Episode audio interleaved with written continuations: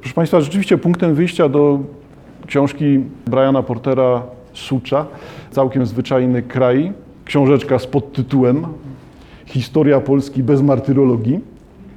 E, Książeczka oczywiście przewrotnie, jak Państwo widzicie, tak, ale no, czyta się naprawdę bardzo sprawnie. To nie jest żadna e, zawiłość naukowa z jakimś tam poplątaniem i czytaniem przypisów, e, raczej bardzo przystępne eseje, ale do książki się zaraz odniosę.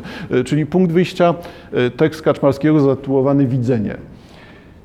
To jest tekst z lat 80. Kaczmarski siedzi w Radiu Wolna Europa i stara się jakoś wyżyć, emigracja oczywiście, i powstaje tekst, który no jednoznacznie rozpoznajemy, rozumiemy jako no myśl o Polsce. No to, jak sami Państwo wiecie, tak, bo to jest taka tonacja do kraju tego, gdzie kruszynę chleba podnoszą z ziemi przez uszanowanie dla darów nieba, e, tęskno mi Panie. I zaczyna być taki, takie widzenie tutaj poskładane. Nigdzie nie ma bezpośrednio takich odwołań norwidowskich, e, ale jakby tonacja jest bardzo podobna. Może po prostu ona nie jest norwidowska, tylko romantyczna. Tak? Na miedzy ciche grusze siedzą. No, dokładnie taka e, romantyczna.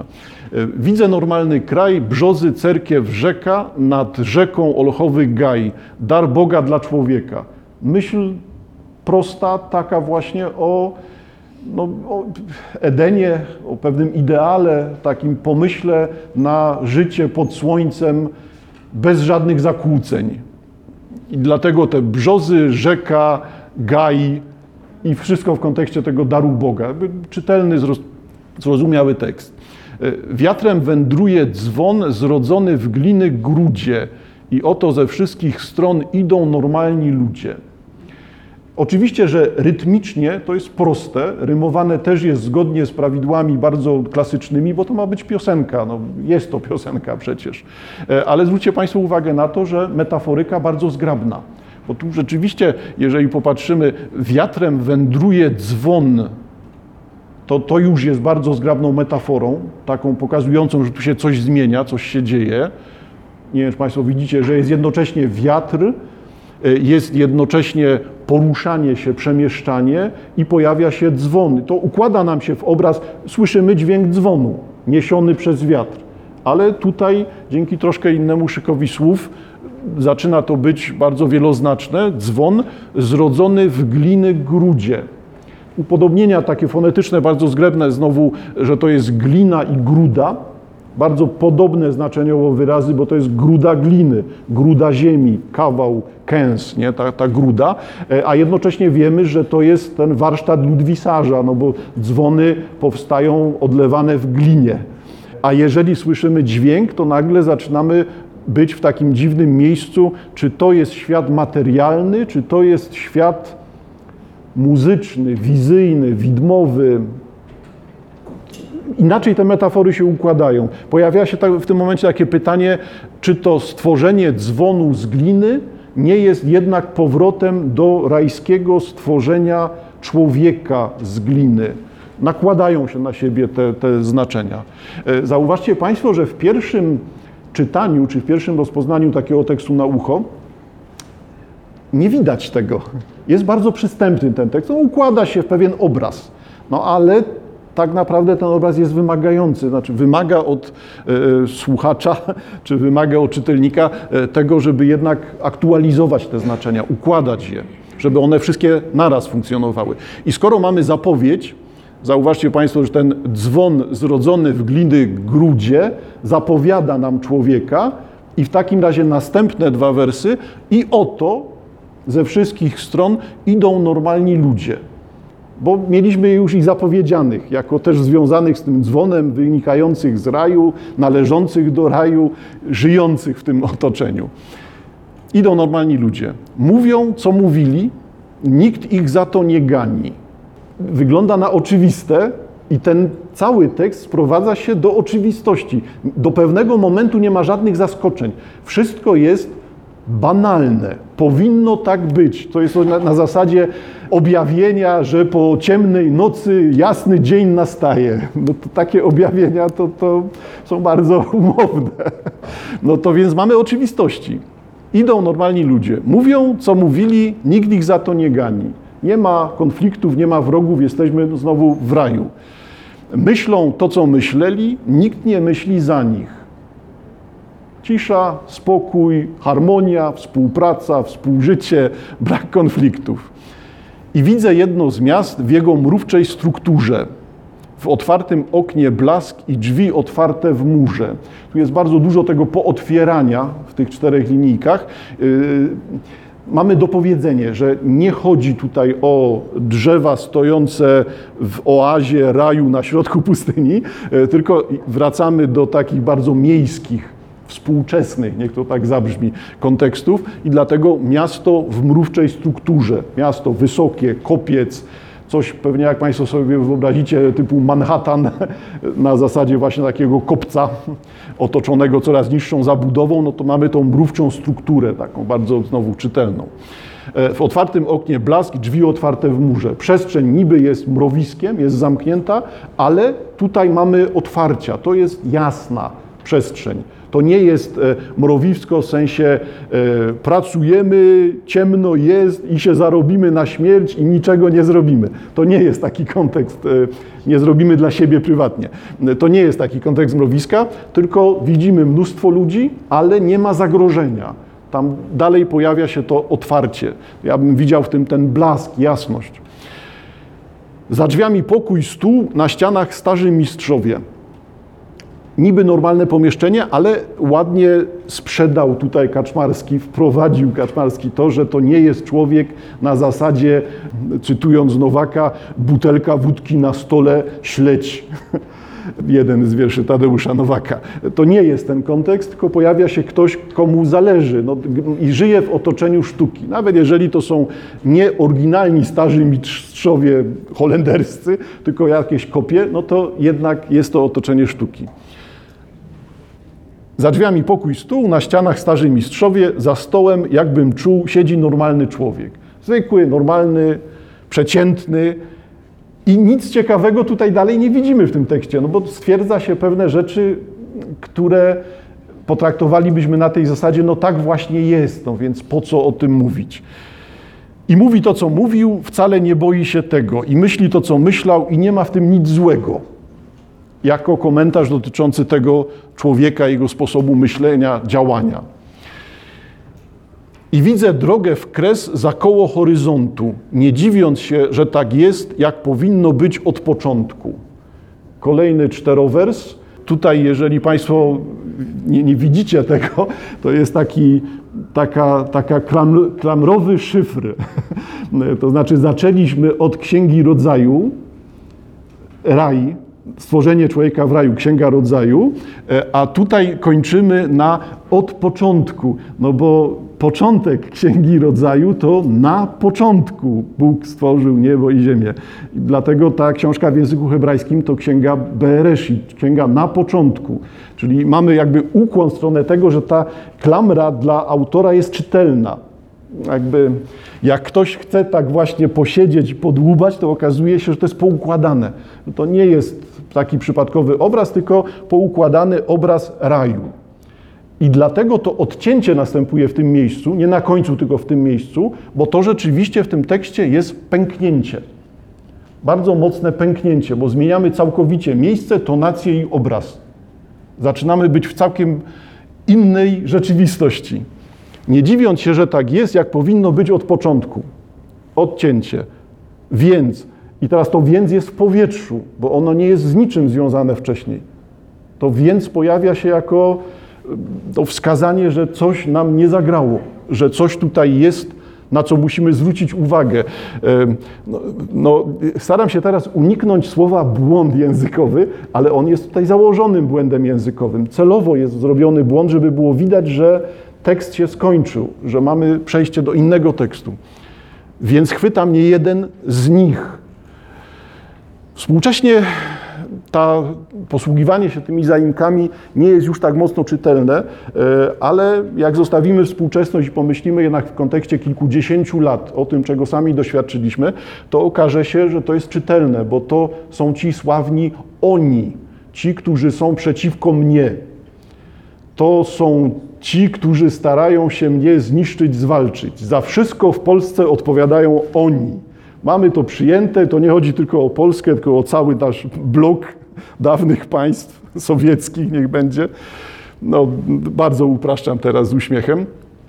E, no ale mamy to oswojone. To jest tekst z lat 80. Wiemy, że jak tam jest, to są oni, to wiadomo, kto to są oni. Nie trzeba ich wyjaśniać. To są właśnie ci oni. Ci, którzy rządzą światem.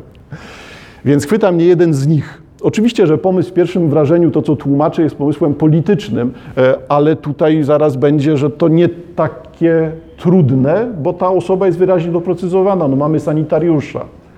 Jeden z nich, tych, którzy są poza moim światem, tych, którzy są przeciwko mnie, i niekoniecznie musimy tak szeroko to rozumieć, bo jeden z nich i w oczy drwiąco patrzy. Obudź się, notę psych i daje mi zastrzyk. Czyli jesteśmy w szpitalu wariatów. Wszystko, co widzieliśmy, jest snem wariata. Nie ma. Tego nie ma. To nie działa. Widmo, sen, złudzenie, zjawa, jak chcemy. Koszmar. Psych, daje mi zastrzyk. Potem normalna rzecz, do łóżka mnie przywiąże. Chciałbym znów, znów zasnąć, lecz za snem już nie nadążę. Nie ma powrotu do snu. Nie? Nawet jeżeli ten sen był tym idealnym rajem, no to on dalej pozostaje snem. Nie zdarza się, bądź zdarza się bardzo rzadko, że jesteśmy w stanie prześnić drugi raz ten sam sen. Czasem może coś podobnego, tak? No ale zwykle jednak nie. I dlaczego w tym miejscu jesteśmy? No, dlatego, że czym dla mnie była ta książka Briana Portera Sucza? no, w dużej mierze taką repetycją typową, tak? Znaczy, dla mnie nie było tutaj zaskoczeń merytorycznych, ale no, wiem, że nie jestem tutaj typowym czytelnikiem i jednak dla części czytelników, szczególnie tych im bardziej młodych, tym lepiej.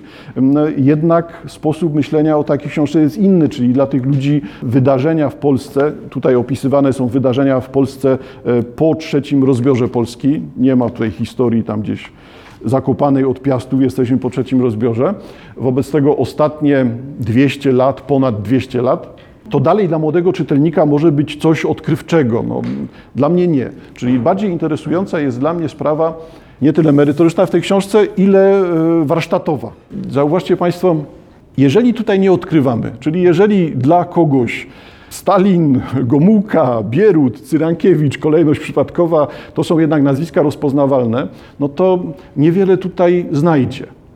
Merytorycznie niewiele tutaj znajdzie. No może im bliżej współczesności, tym ciekawsze te rzeczy są, no bo współczesny historyk, czyli Brian Porter Such, jednak analizuje, stara się, wbrew przekonaniom historyków, dojść jak najbliżej nas. I ostatnie zapisy w tej książce to są zapisy sprzed roku. Czyli jakby analizy stanu tego, co dzieje się w Polsce sprzed roku. E, czy to jest książka, która jest książką zorientowaną politycznie? Bo jakoś się okazuje, że w ostatnim czasie trzeba takie rzeczy mówić. No nie.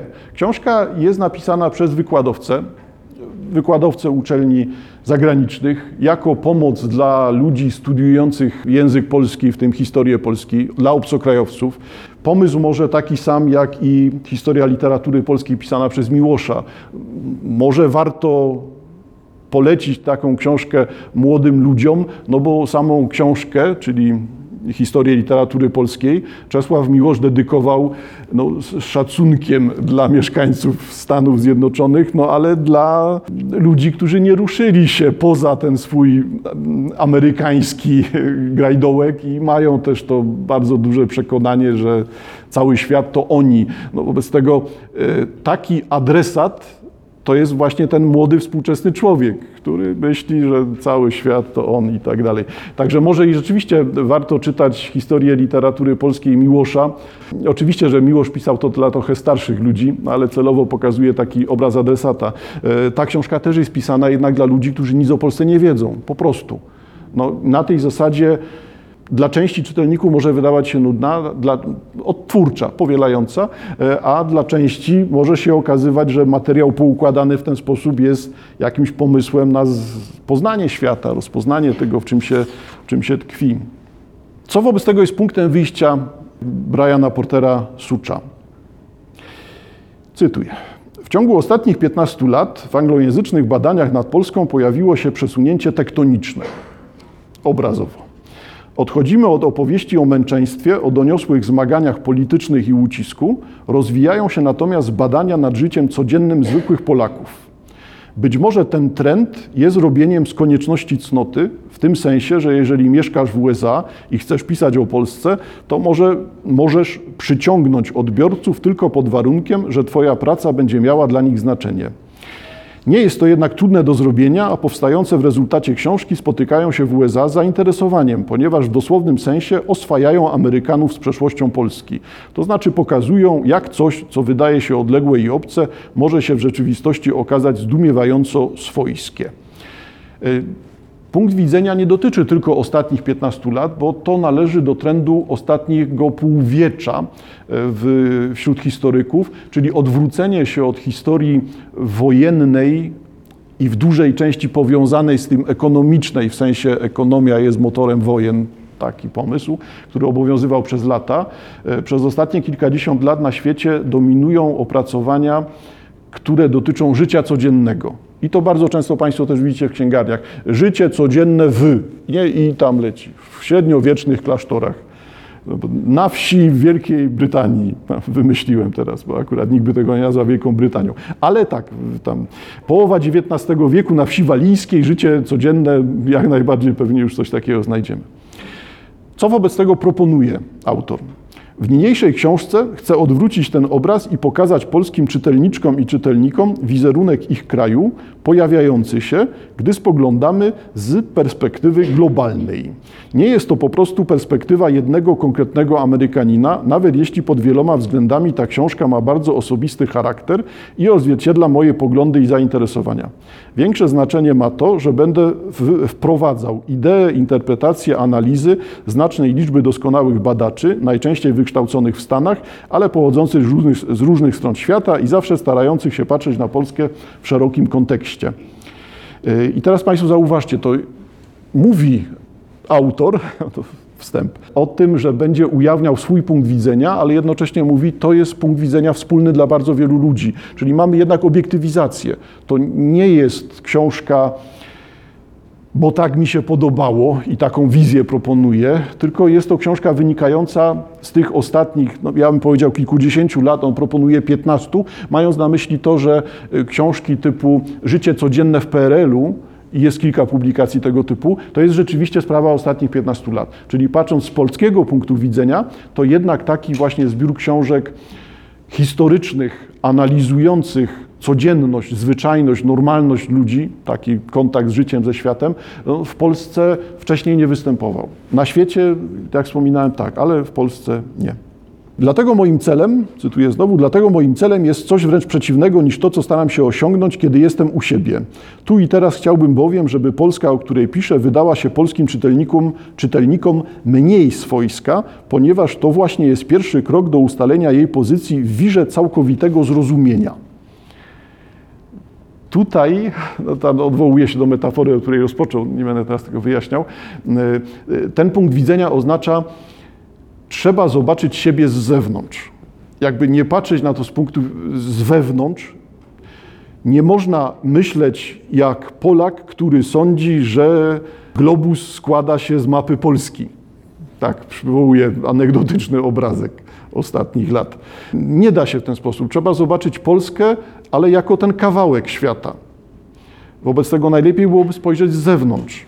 Nie przykładać miary polskiej na zewnątrz, ale też nie oznacza to, zdaniem Briana Szuca, że należy Polskę jasno umieścić na peryferiach skraju i tam zapomnianej części świata, gdzieś, gdzie te niedźwiedzie chodzą bezustannie po ulicach. To, to jednak jest ten obraz Polski, który znamy. No, tak jesteśmy postrzegani.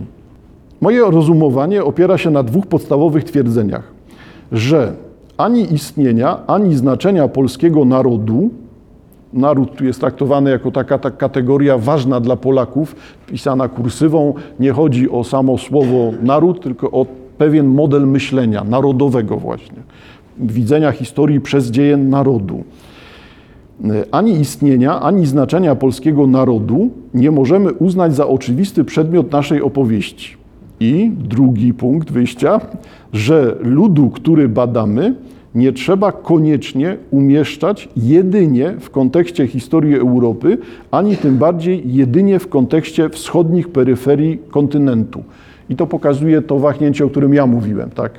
Państwo, gdzie tam nikogo to nie obchodzi, to jest na skraju cywilizacji i białe niedźwiedzie. Więc nie w ten sposób, ale też nie można w drugą stronę czytać, czyli że Polska, Polacy i Chrystus był Polakiem, bo Matka Boska była Polką, są te ekstrema w drugą stronę.